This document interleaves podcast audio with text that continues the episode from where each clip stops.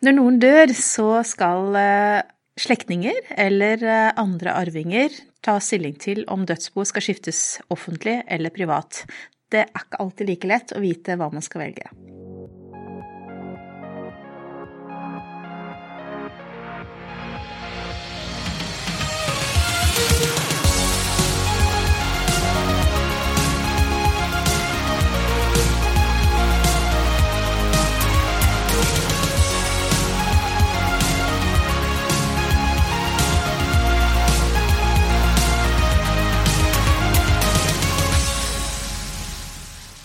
Velkommen til eh, Tennenkast, en eh, podkast som tar for seg ulike temaer innenfor familie og arverett. Og i studio er som vanlig advokat eh, Kristen Hagerup. Hei, hei. Og advokat Hanne Skram. Hei. Og meg selv, advokat Lene Marie Aas Torstensen. Og da kjører vi i gang januar med en ny episode, og det vi tenkte vi skulle snakke om, det var offentlig eller privat dødsbo. Vi ser ofte at eh, arvinger er i tvil om, og gjerne kontakter oss også med spørsmål om skal man skifte et dødsbo privat eller offentlig, og hva innebærer egentlig de to ordningene. Jeg tenkte sånn Helt innledningsvis så kan vi egentlig begynne med det, og si litt om hva er egentlig offentlig og privat dødsboskifte? Privat skifte er jo det som er mest vanlig. Eh, da er det jo i hovedsak arvingene selv eventuelt eh, at de engasjerer noen til å hjelpe seg, som eh, forestår det private skiftet. Og hvis vi snakker om skifte, så snakker vi om det økonomiske oppgjøret. Fordele eiendeler og sånn som er i dødsboet. Eh, og offentlig skifte, det er for de tilfellene hvor man på en måte trenger hjelp fra det offentlige. Da er det tingretten som håndterer det, og tingretten vil oppnevne en bostyrer som skal forestå det praktiske og sørge for fremdrift osv. i bobehandlingen. Som vi sa innledningsvis, så er det jo sånn at når noen dør, så, så, blir da nære slektninger eller andre arvinger kontaktet. Og da blir man jo gjerne kontaktet av eh, tingretten. Kanskje du, Hanne, kan si litt om den prosessen? Ja, for det er jo sånn at tingretten er jo en av de første som får melding om dødsfall, og de er jo den eh, enheten som på en måte behandler dødsfall rent sånn eh, forvaltningsmessig, egentlig. Og da sender de ut eh, Først så sjekker de, søker opp personnummeret til avdøde, så sjekker de om vedkommende hadde et testament, som også ofte oppbevares i tingretten. Og så sender de da skjemaer, brev med informasjon og dette testamentet, eventuelt hvis avdøde hadde det, til arvingene til avdøde. Og idet de får disse dokumentene fra retten, så blir de nødt til å ta stilling til skifteformen, da. Og for eh, hvis avdøde etterlater seg ektefelle, så må jo den ektefellen aller først ta stilling til om man skal sitte i uskiftet bo, eller om man skal skifte boet. Altså skifte betyr å fordele arven. Nå skal vi ikke snakke om uskiftet bo i dag, for det har vi en egen episode om. Men uskiftet bo innebærer jo bare helt kort at man, man ikke fordeler arven blant arvingene, men at ektefellen sitter og forvalter alt som avdød etterlot seg.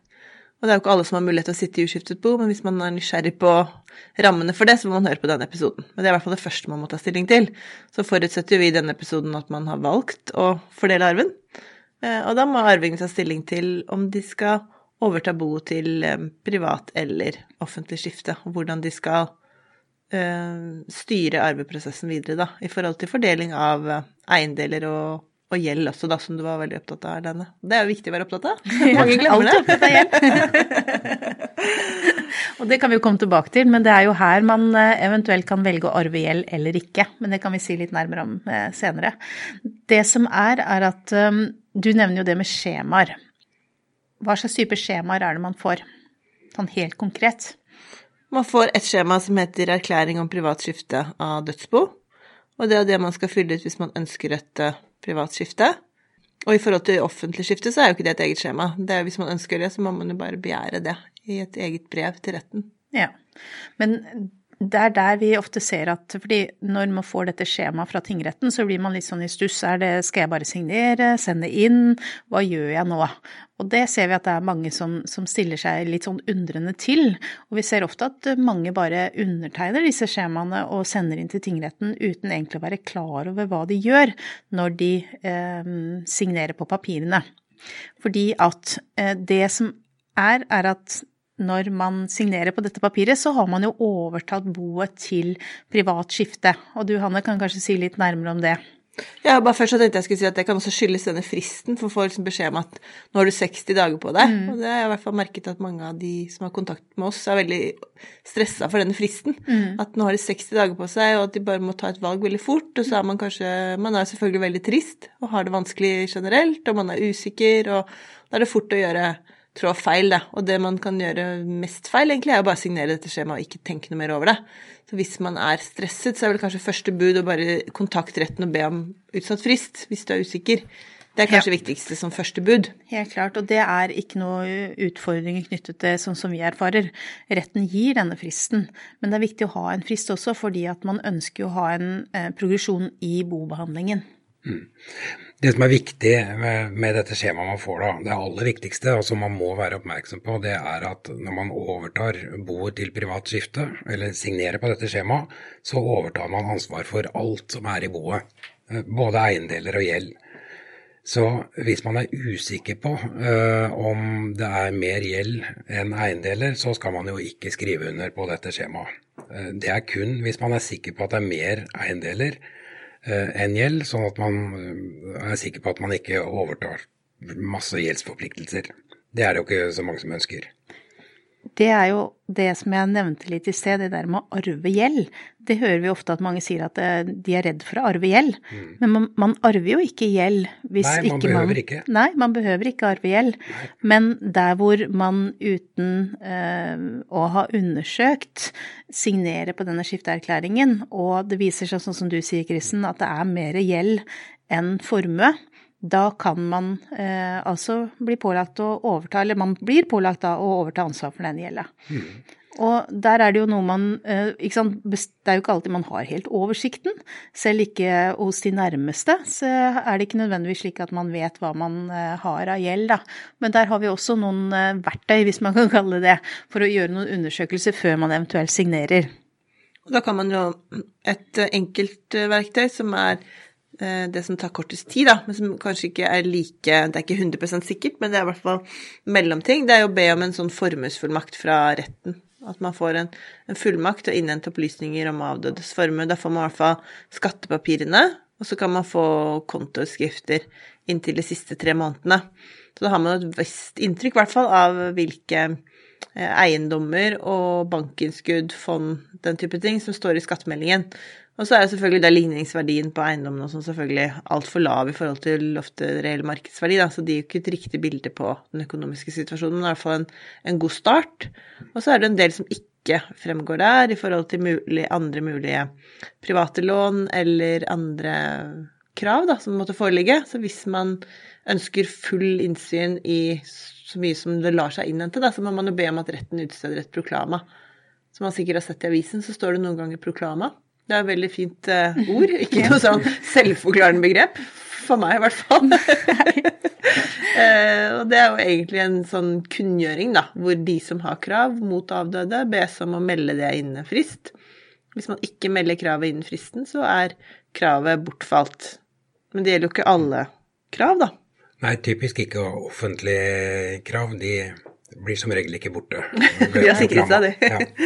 Og da har man jo denne formuesfullmakten som man eventuelt kan innhente opplysninger fra skatteetaten f.eks. hvis det foreligger noen gamle skattekrav.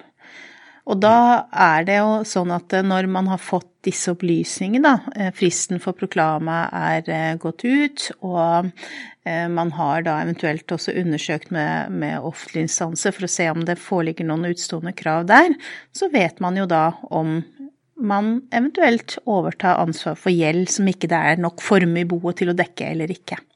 Så det er vel kanskje egentlig det man bør gjøre før man signerer på dette skjemaet om privatskifte. Hvis man er usikker, så bør det utstedes et proklama. Da er man i hvert fall helt sikker på, for noen har jo ikke hatt sånn nærkontakt med avdøde f.eks., og det er jo ganske enkelt i dag å kjøpe på kreditt, bruke en del ja. sånn type kort det er jo vanskelig å ha full oversikt over krav som kanskje ligger i e-postmappen til avdøde. Det er ikke alt mm. som kommer i posten heller. Så det er veldig lurt hvis man er usikker, altså. Ja, egentlig så, så, er vel det en god tommelfingerregel, kanskje. Det er jo liksom noe med det at vi har jo vært borti eksempler hvor også nærstående har hatt f.eks.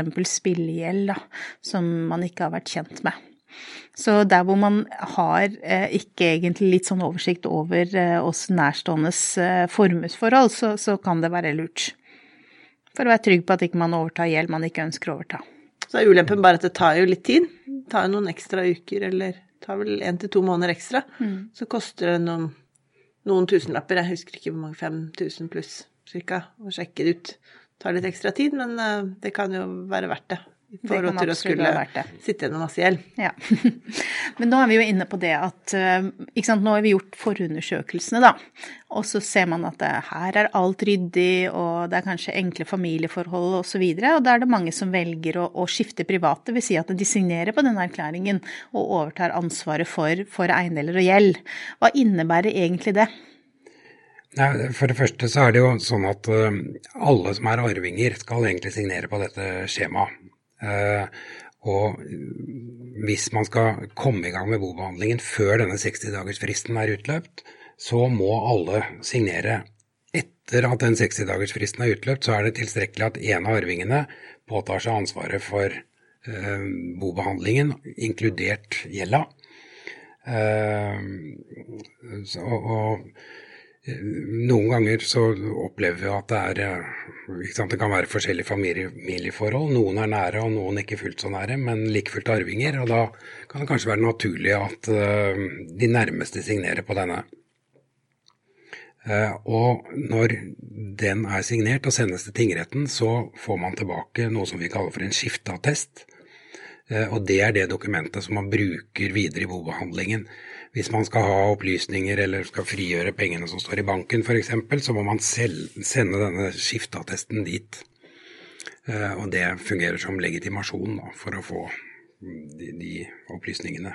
Skifteattesten er fullmakten, rett og slett, til ja. å ivareta avdødes eh, forpliktelser og, og egentlig innhente det man trenger av opplysninger, eller avslutte ulike abonnementer, avslutte bankforhold osv. Mm. Vi, vi snakker ofte om en fullmakt til i denne sammenhengen. Eh, hvis det er mange arvinger, så er det veldig upraktisk at eh, alle arvingene skal gjøre alt dette sammen. Så det er vanlig at man arvingene går sammen og, og gir fullmakt til kanskje en av arvingene for å forestå det praktiske, da, skrive til alle Eh, ja, banker, eh, skattemyndigheter, alle sånne ting. Mm. Så er det summen, og da har man da denne skifteattesten, så har man en bunke med fullmakter, og så bare bruker man det samlet sett som legitimasjon for, at, mm. for en av arvingene, f.eks. Ja. I forhold til det du snakket om i stad, Kristen, også, hvis man da istedenfor å ha disse fullmaktene, ønsker at én arving skal stå på skifteattesten alene, eh, og da trenger man jo ikke de fullmaktene. Nei. Og hvis man ønsker at det skal gå fortere og ikke vente 60 dager, så kan man også orientere tingretten om at vi kommer ikke til å signere på skifteattesten eller på erklæring om privatskifte, mm. for vi ønsker at det er uh, Tor som skal ta ansvar, og da går det fortere, da. Så får man skifteattest før. Um, men det, det, må man jo bare ta en vurdering på, hva man, hva man ønsker, og hvor, uh, hvor uh, nær relasjonen er mellom arvingene, og hvem skal sitte med med hånden på rattet i, i førersetet og styre hele prosessen. Mm. Og hvilken tillit har man til den, den, personen? For det er jo viktig at man har. Du nevnte at Thor hadde ansvaret her, men hvis Thor blir usikker da, i, i, bobehandlingen og tenker at hva er riktig her, hvordan er det egentlig arvelovens regler skal uh, fungere for oss, da, det boet som vi har, så er det ofte at uh, denne Thor kan kontakte en advokat f.eks., og så betaler man for advokattjenesten via dødsboet, altså med dødsboets midler. Da er det ikke Thor som betaler selv, men da bruker man boets midler til å betale for advokatbistand. Og da er vi egentlig litt sånn, eh, tenker jeg, eh, i grenseland i forhold til det med å se litt på forskjellen mellom privat og offentlig skifte.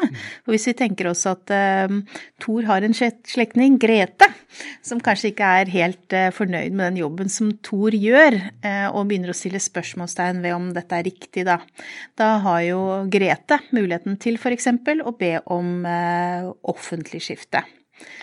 Jeg tenkte kanskje vi skal eller, Før man i hvert fall vurderer det, så bør man jo vurdere om man eh, kan Grete kan bli mer sikret, da. At Tor og Grete og de andre arvingene går f.eks. sammen til en advokat, og så får hjelp til å si at vi har begynt med bobehandlingen, og vi har kommet, Tor har kommet så langt, og vi er, nå er vi usikre på veien videre. Eh, kan du hjelpe oss eh, i mål? Det er jo i hvert fall en, ofte en billigere løsning, eh, og en raskere løsning, da. Ja, og jeg tenkte Det er viktig å huske på at uh, denne Tor, da, som har fått uh, skifteattesten, uh, han har ingen uh, rettigheter og, altså overfor de andre arvingene annet enn til å ordne opp dette her og fordele arvene i tråd med arvelovens regler eller det som fremgår av testamentet. Mm. Så, så, det er det ansvaret den som påtar seg å gjøre jobben, tar på seg, da. Mm. Som noen ganger kan det er ikke sikkert Grete er enig i den er prosessen er likevel kristen. Slett ikke sikkert. så kan det være vanskelig liksom, når skal vi selge boligen, og kanskje Grete vil overta hytta til avdøde, hvordan skal man verdsette den? Altså, det kan komme mange ting som gjør at man og vi, vi, erfarer i hvert fall ofte at er man usikker på noe, på et følsomt område, man er usikker på penger, verdier, hva man skal ha, det er lett å bli litt mer skarp i tonen, det blir liksom litt steilere fronter mye raskere mm. i en mm. sånn følsom prosess hvis man blir usikker. Ja. Så er det mye bedre å gå sammen til advokat, få noen tips og råd, og så kanskje det holder, da, til å skape tillit og trygghet rundt den prosessen som er i gang, og få den, få den i mål, da, på ja. den måten.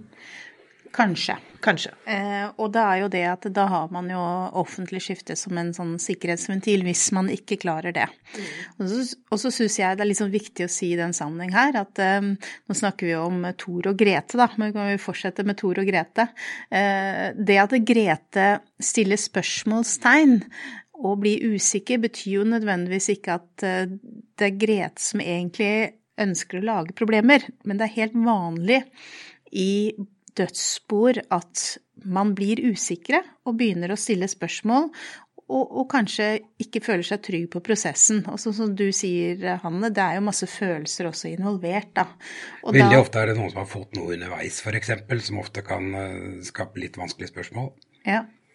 Mm. Og det, er det å, å, å, som kanskje en advokat kan bistå med i den prosessen, er jo litt det å mekke forenkle eller gi på en måte forklaring på hvordan jussen fungerer, og hvordan sette dette her litt i perspektiv, og kanskje gi svar på de spørsmålene som dukker opp underveis, og på den måten kanskje klare å holde konfliktnivået nede, da. Men, men, hvis vi tenker oss det at det, det, får ikke denne advokaten til, eller man er såpass uenig at uh, det er uh, Altså offentlig skifte da er egentlig den beste løsningen. Hva skjer, hva skjer egentlig da? Nei, det, altså, For det første er det sånn at alle arvinger eh, kan begjære offentlig skifte. Det er ikke noe de bør bli enige om, og sånn, det bestemmer hver enkelt. Eh, og det foregår ved at man sender en begjæring til tingretten eh, om åpning av offentlig skifte. Tingretten vil da som regel eh, innkalle alle partene til et møte. Eh, Tingretten vil som regel forsøke å unngå at det åpnes offentlig skifte, vil gjerne at folk skal skifte privat. Eh, og, det vil være et sånt møte i håp om å megle fram en løsning. Men hvis det ikke går, så blir det åpnet offentlig skifte, og da oppnevner tingretten en advokat som skal være bostyrer. Som på en måte blir tingrettens forlengede arm i denne bobehandlingen, da. Da utstedes det dokumenter eh, som gir den advokaten legitimasjon til å forvalte det boet og innhente de opplysningene som er nødvendige. Og det kalles en, en bostyrerattest. Eh, jeg er jo selv eh, fast bostyrer for Vestfold tingrett, så jeg er jo bostyrer i flere offentlige skifter. Og da mm, er det jo mange ulike grunner til at folk begjærer offentlig skifte, som vi snakket om. Og da kan man jo bidra på ulike måter, og da er jo på en måte formålet det å prøve å avslutte bobehandlingen så raskt som mulig, få, få de til å bli enige eller trygge på det de er uenige om, og unngå at man tar det videre til en, til en konflikt som innebærer en, en full rettssak. Du brukte jo ordet trygg, Hanne, og det er vel egentlig kanskje litt det med, med offentlig skifte, da. At man får bobehandlingen inn i trygge rammer. Både i form av at, eh, at samtlige arvinger eh, skal jo bli ivaretatt, og eh, man har da en bostyrer som, som, kan dette, som har dette som sitt fagfelt, rett og slett. Som kjenner til jussen og vet hvordan arveoppgjøret skal gjøres, da, i henhold til loven. Og så er det også det at når man er bostyrer, sånn som du var litt inne på, så har man det ansvaret å holde konfliktnivået nede. Så da er det jo litt trygghet i det også, i forhold til både det med, med, rammene rundt, men også det med progresjon. At man får til en løsning innenfor eh, en gitt frist, i stedet for at man opplever at dødsboet eh, drar ut i evigheter, da. Så er det ikke dermed sagt at et offentlig skifte ikke tar lang tid, for det også kan ta lang tid. Men, men eh, det er litt tryggere rammer for, for hvordan prosessen skjer. Det er en mer formalisert prosess hvor det lages eh, referater og protokoller fra møter og, og sånn. Og man bostyrer setter gjerne frister for når man må ta stilling til forskjellige spørsmål som dukker opp. F.eks. når boligen skal selges og, og, sånne ting. Og noe av det med, vi ser med dødsboskifter, også egentlig private skift, eller skifte mellom eh, ektefeller hvis de går fra hverandre også, det er det å få eh, satt en sluttstrekk. Det er veldig viktig at det blir en ryddig prosess som gjør at alle stener har blitt snudd, man har fått uh, stilt de spørsmålene uh, man har trengt å stille, man har fått svar på de spørsmålene man har stillet, og kanskje på den måten klarer man å legge en konfliktfylt dødsbo da, uh, bak seg, rett og slett ved å få denne sluttstreken. Det er kanskje en av fordelene da med, med et offentlig skifte.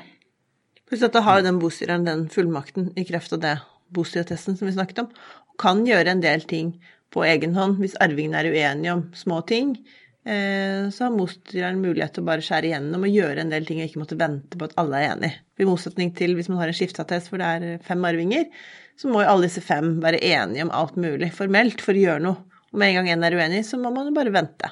Så det er litt bedre at du som bostyrer blir uh, upopulær, enn uh, at uh, det er to søsken som blir sinte på hverandre når det er bostyrer som ja, tar avgjørelsene. Absolutt. Og hvis det skulle være en usikkerhet i forhold til, ja, la oss si Grete har fått en gave tidligere, og så er man usikker på hvilken betydning skal det få for arveoppgjøret i dag, eller det er en formulering i et testament man er usikker på, så kan man selvfølgelig Det spørsmålet kan jo alltids ta, bringes inn for retten med en full rettssak. Men er det offentlig skifte, så kan man også da eh, ønske å ta det opp som et tema i et eh, bomøte, f.eks. Og at man arvingene i fellesskap sier at vi ønsker din vurdering av dette, bostyrer. Og så kan man som bostyrer da komme med, hvis man har fått mandat til det, gjøre en vurdering av det med det formålet å prøve å se om man kan hjelpe de å komme sammen og finne en løsning eh, som vil være mye billigere og mye mer effektivt enn en, en full rettssak.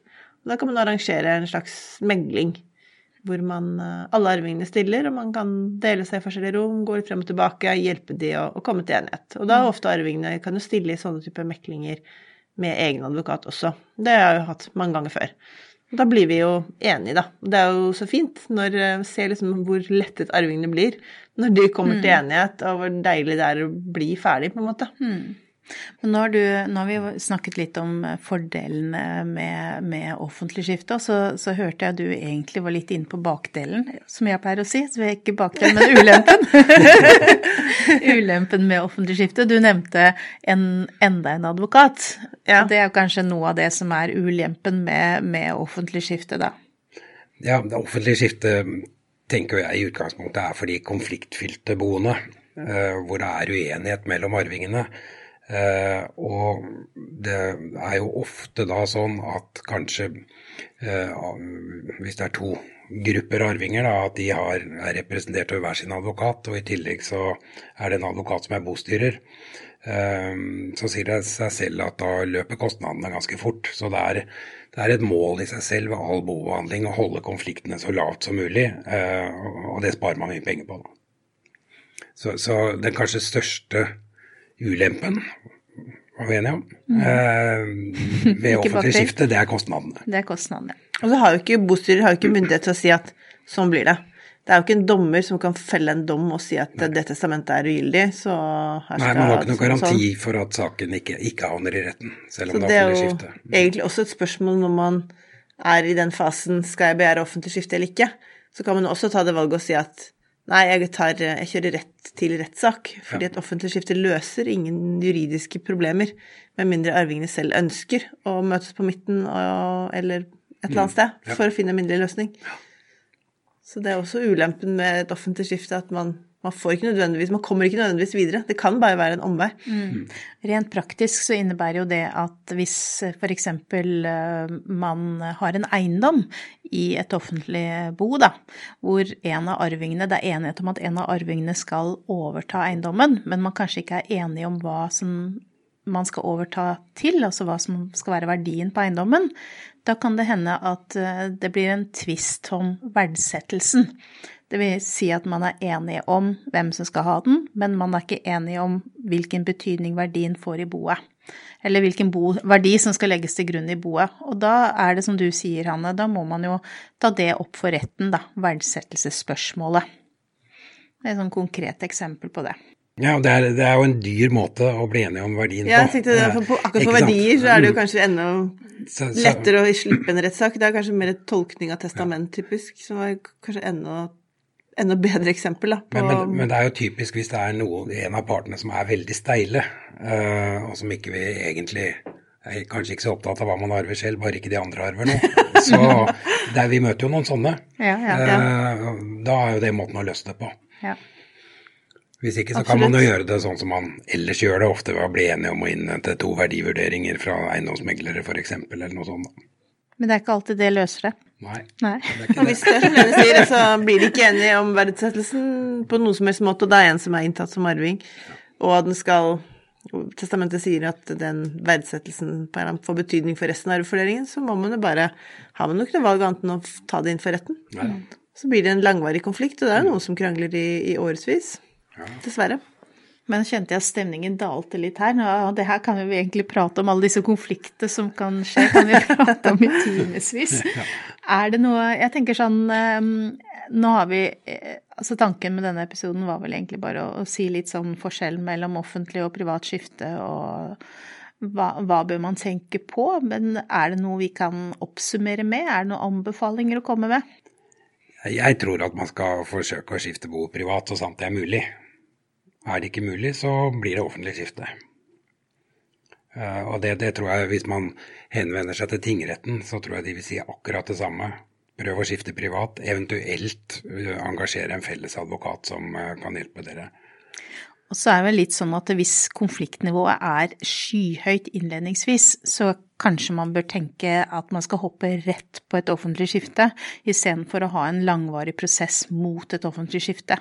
Da tenker jeg at der hvor man ser at det, her kommer vi ikke til å komme til enighet.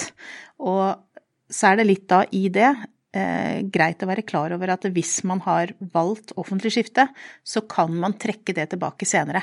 Hvis man ser at vi kommer til å klare dette her på egen hånd allikevel, så har man muligheten til å gjøre om fra et offentlig skifte og til da et privat skifte. Og så tenker jeg at et offentlig skifte egner seg aller best i de tilfellene hvor det er liksom selve den prosessen, det å få gjennomført de praktiske tingene, så er det, er det, veldig Kan det være en stor fordel med en bostyrer som bare gjør disse praktiske tingene. Eh, mens hvis det er allerede er advokater involvert, det er store uenigheter knyttet til juridiske, tunge spørsmål, så kanskje er det lønnsomt å ta det rett inn til retten som en ren prosess, og ikke som et offentlig skifte også. Ja, For da er det jo gjerne sånn at det er ett uh, konkret spørsmål man er uenig om juridisk, ja. og så løser man det, så finner man ut av det andre, eller der er det ikke nødvendigvis noe uenighet. Ja. Jeg likte det. Den avslutningen, mener jeg. jeg tror vi skal avslutte med det. avslutte på topp. Vi avslutter på topp. Takk for i dag, dere. Takk for i dag. Takk for i dag.